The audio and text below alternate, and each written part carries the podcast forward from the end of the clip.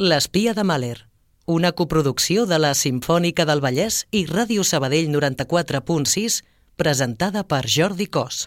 El 16 de febrer de l'any 1923, l'arqueòleg britànic Howard Carter, acompanyat del seu patrocinador, Lord Carnarvon, van trencar els segells de la cambra funerària que contenia les restes de Tutankhamon, faraó egipci de la dinastia 18a, enterrat a la vall dels Reis, prop de Luxor.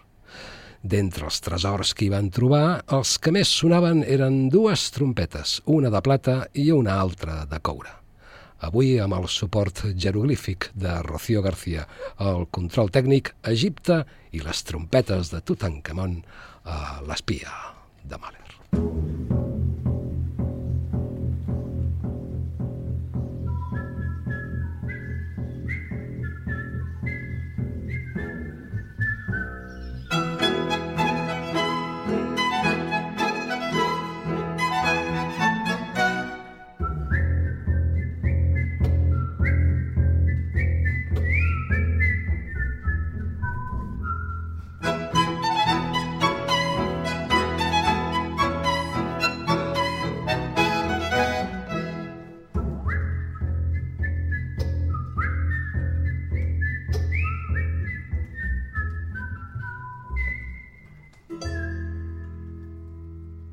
L'any 1939, l'emissora britànica BBC va presentar el so de les trompetes de Tutankhamon a tot el món, sonant a través de la boca del músic James Tappern.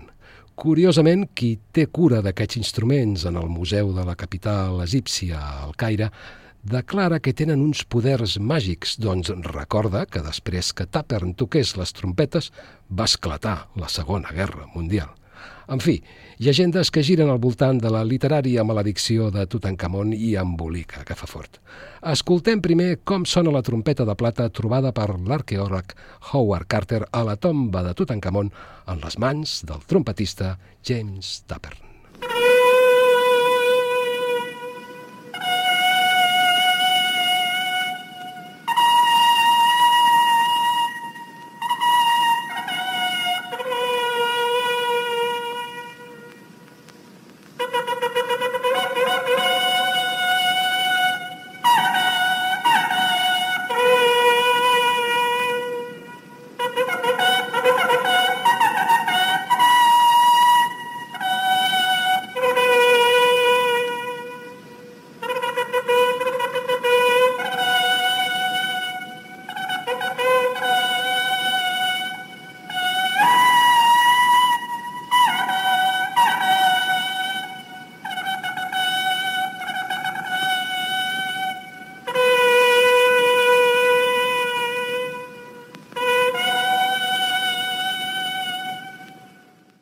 Ara James Tappern fa sonar la trompeta de coure trobada en la tomba de Tutankhamon.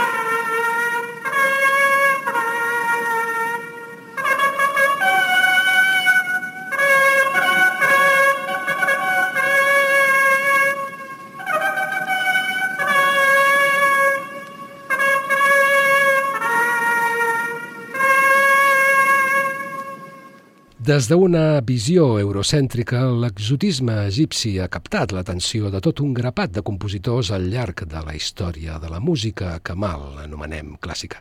En aquest cas seria barroca, doncs estem parlant del germànic emigrat a Anglaterra, Georg Friedrich Händel, qui l'any 1724 va estrenar a Londres l'òpera Giulio Cesare in Egipto, Juli César Egipte, amb llibret que el mateix Händel va adaptar de Nicola Francesco.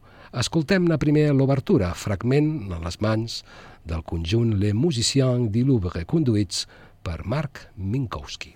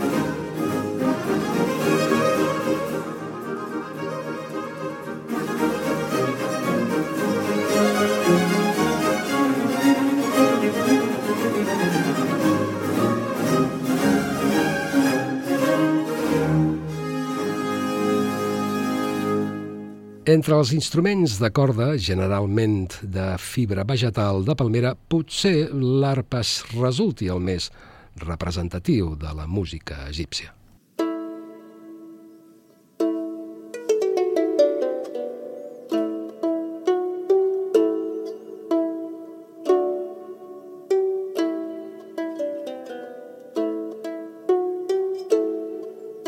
D'arpes n'hi havia de moltes mides i estils, així com també de diferent nombre de cordes, de 5 a 12 segons l'època. La seva afinació exigia tanta justesa i paciència que s'ha fet famós el plet descrit entre els documents trobats per arqueòlegs que es va posar a un músic per tornar a un temple una arpa desafinada. En fi, el cas és que estem escoltant darrere fons el timbre d'una arpa de l'antic Egipte pinçada per Michael Levy, improvisant un tema que ha titulat, homenatjant el riu més llarg del continent africà, el celestial Nil.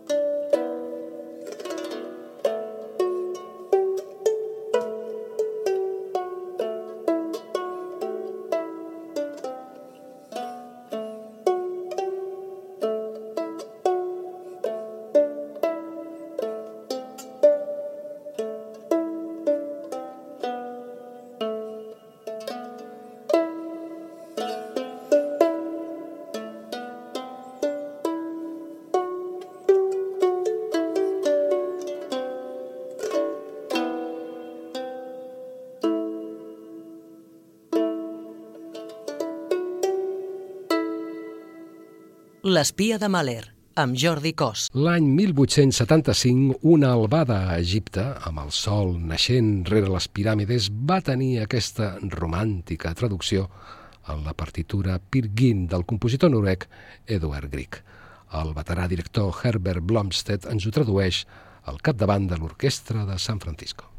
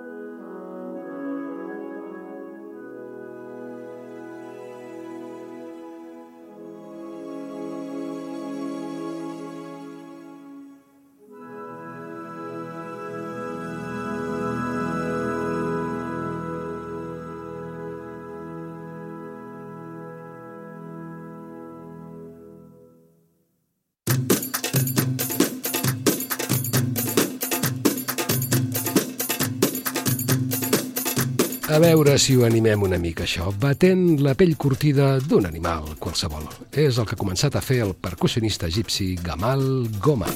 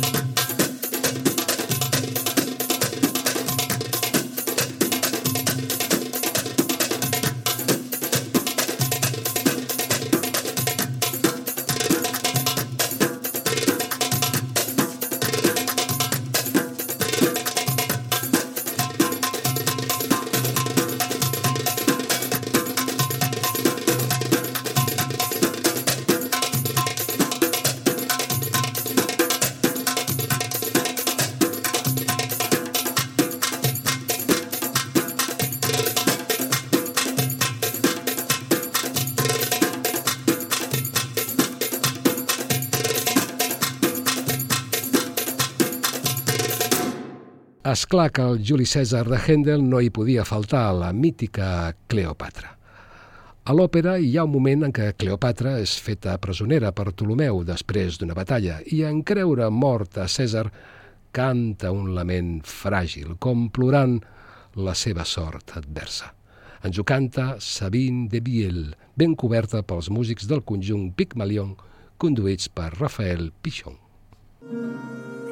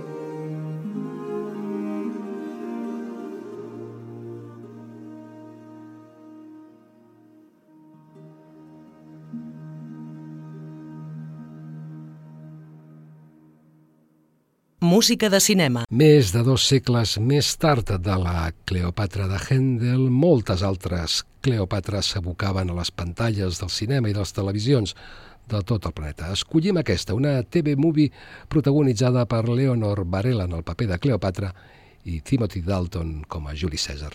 L'únic potser que cal recordar d'aquesta pel·lícula sigui la música amb què l'embolcallà el solvent compositor Trevor Jones. Ja m'ho direu.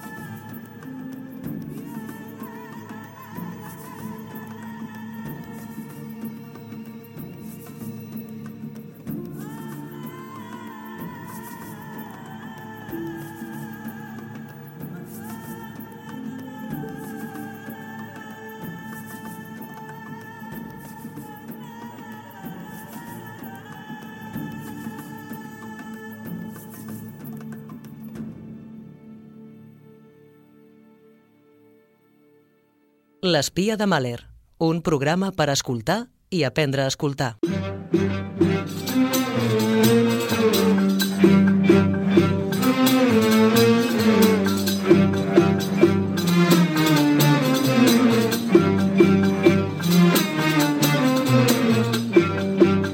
Ens recorda Catalina Simonet sobre la música de l'antic Egipte que la mentalitat transcendent dels antics egipcis els duia a considerar la música com a una manifestació física de l'harmonia que envolta el cosmos.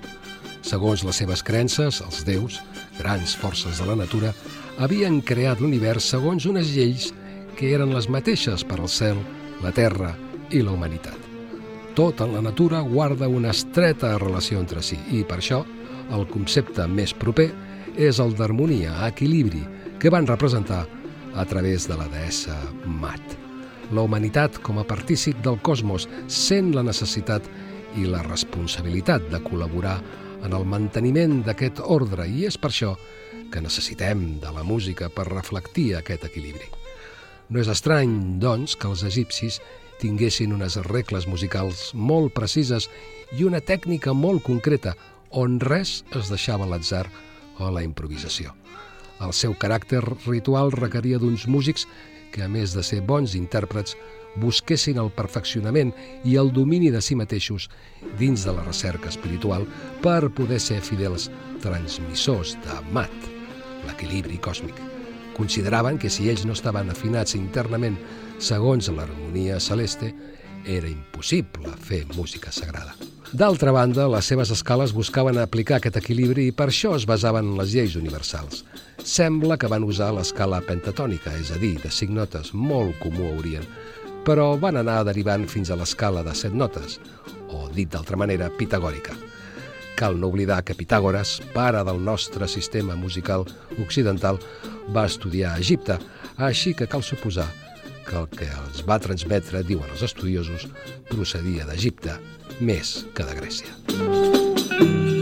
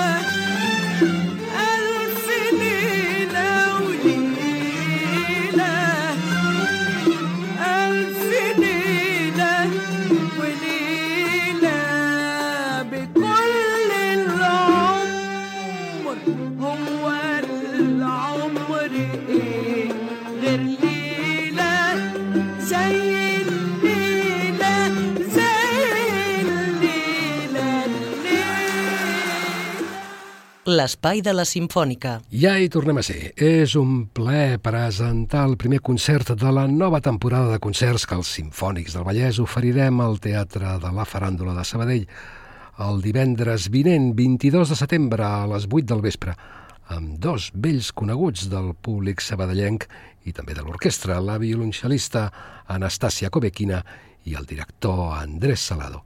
En programa la Sinfonia Clàssica de Prokofiev, les variacions rococó de Tchaikovsky per a violoncel i orquestra i la inesgotable Sinfonia número 7 de Beethoven. Us convidem a unir-vos amb nosaltres, a nosaltres, per aquesta nit de música extraordinària.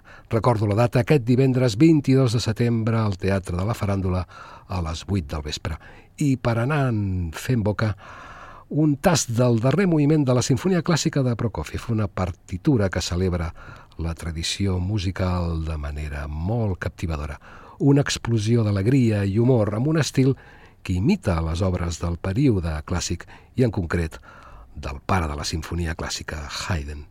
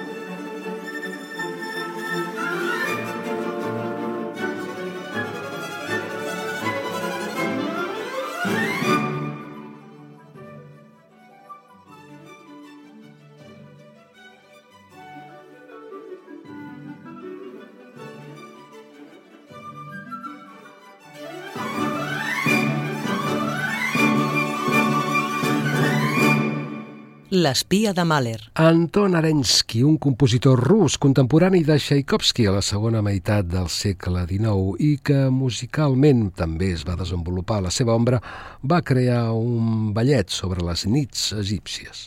Escoltem una de les seves danses acaronades per l'orquestra de l'antiga Rússia soviètica, conduïda per Eugeni Svetlanov. D'egípcia, tot sigui dit, eh, no en té massa, ni l'escala pentatònica, però té el seu què.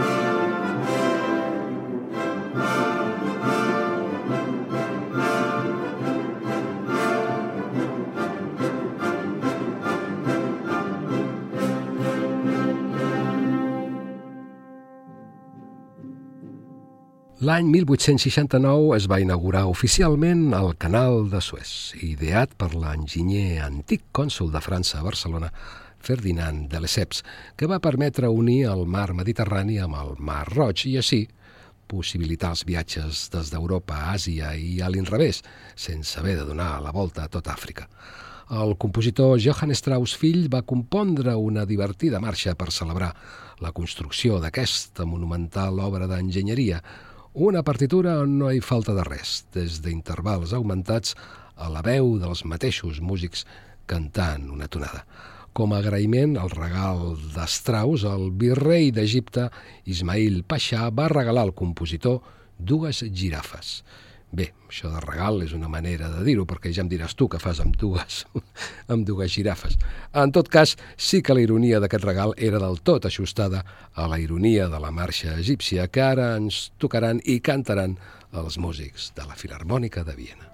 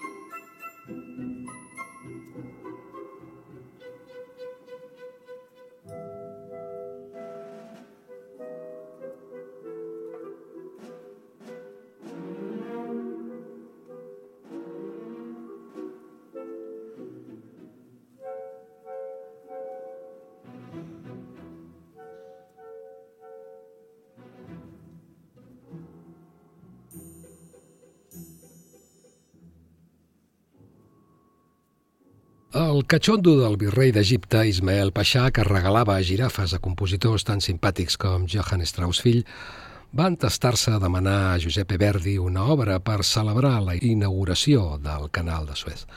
Però Verdi, potser assabentat que el Paixà pagava en espècies, en girafes, vull dir, va declinar la invitació amb l'excusa que ell no componia obres ocasionals però com el Paixà va insistir afegint un pagament de 150.000 francs en aquesta insistència, una fortuna, vaja, Verdi va compondre finalment una òpera ambientada en l'antic Egipte, Aida, que estrenà el 24 de desembre de l'any 1871 al Teatre de l'Òpera del Caire. Escoltem d'aquesta òpera La Gran Marxa, un dels temes més populars de Verdi, en les mans de l'Orquestra del Teatre de l'Escala de Milà i després escoltarem la seva imatge musical reflectida en el mirall del temps.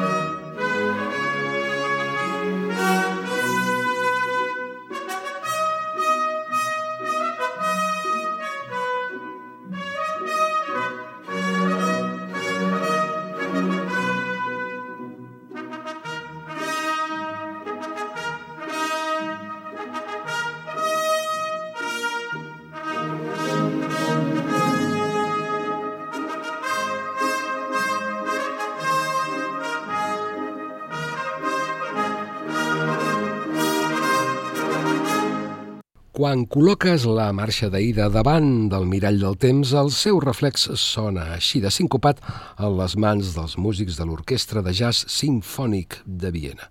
Interpretant aquest tema que titulen amb el nom de Matant Aida, i mai millor dit, matem també avui el programa dedicat a la música d'Egipte i als seus compositors simpatitzants. Bon viatge.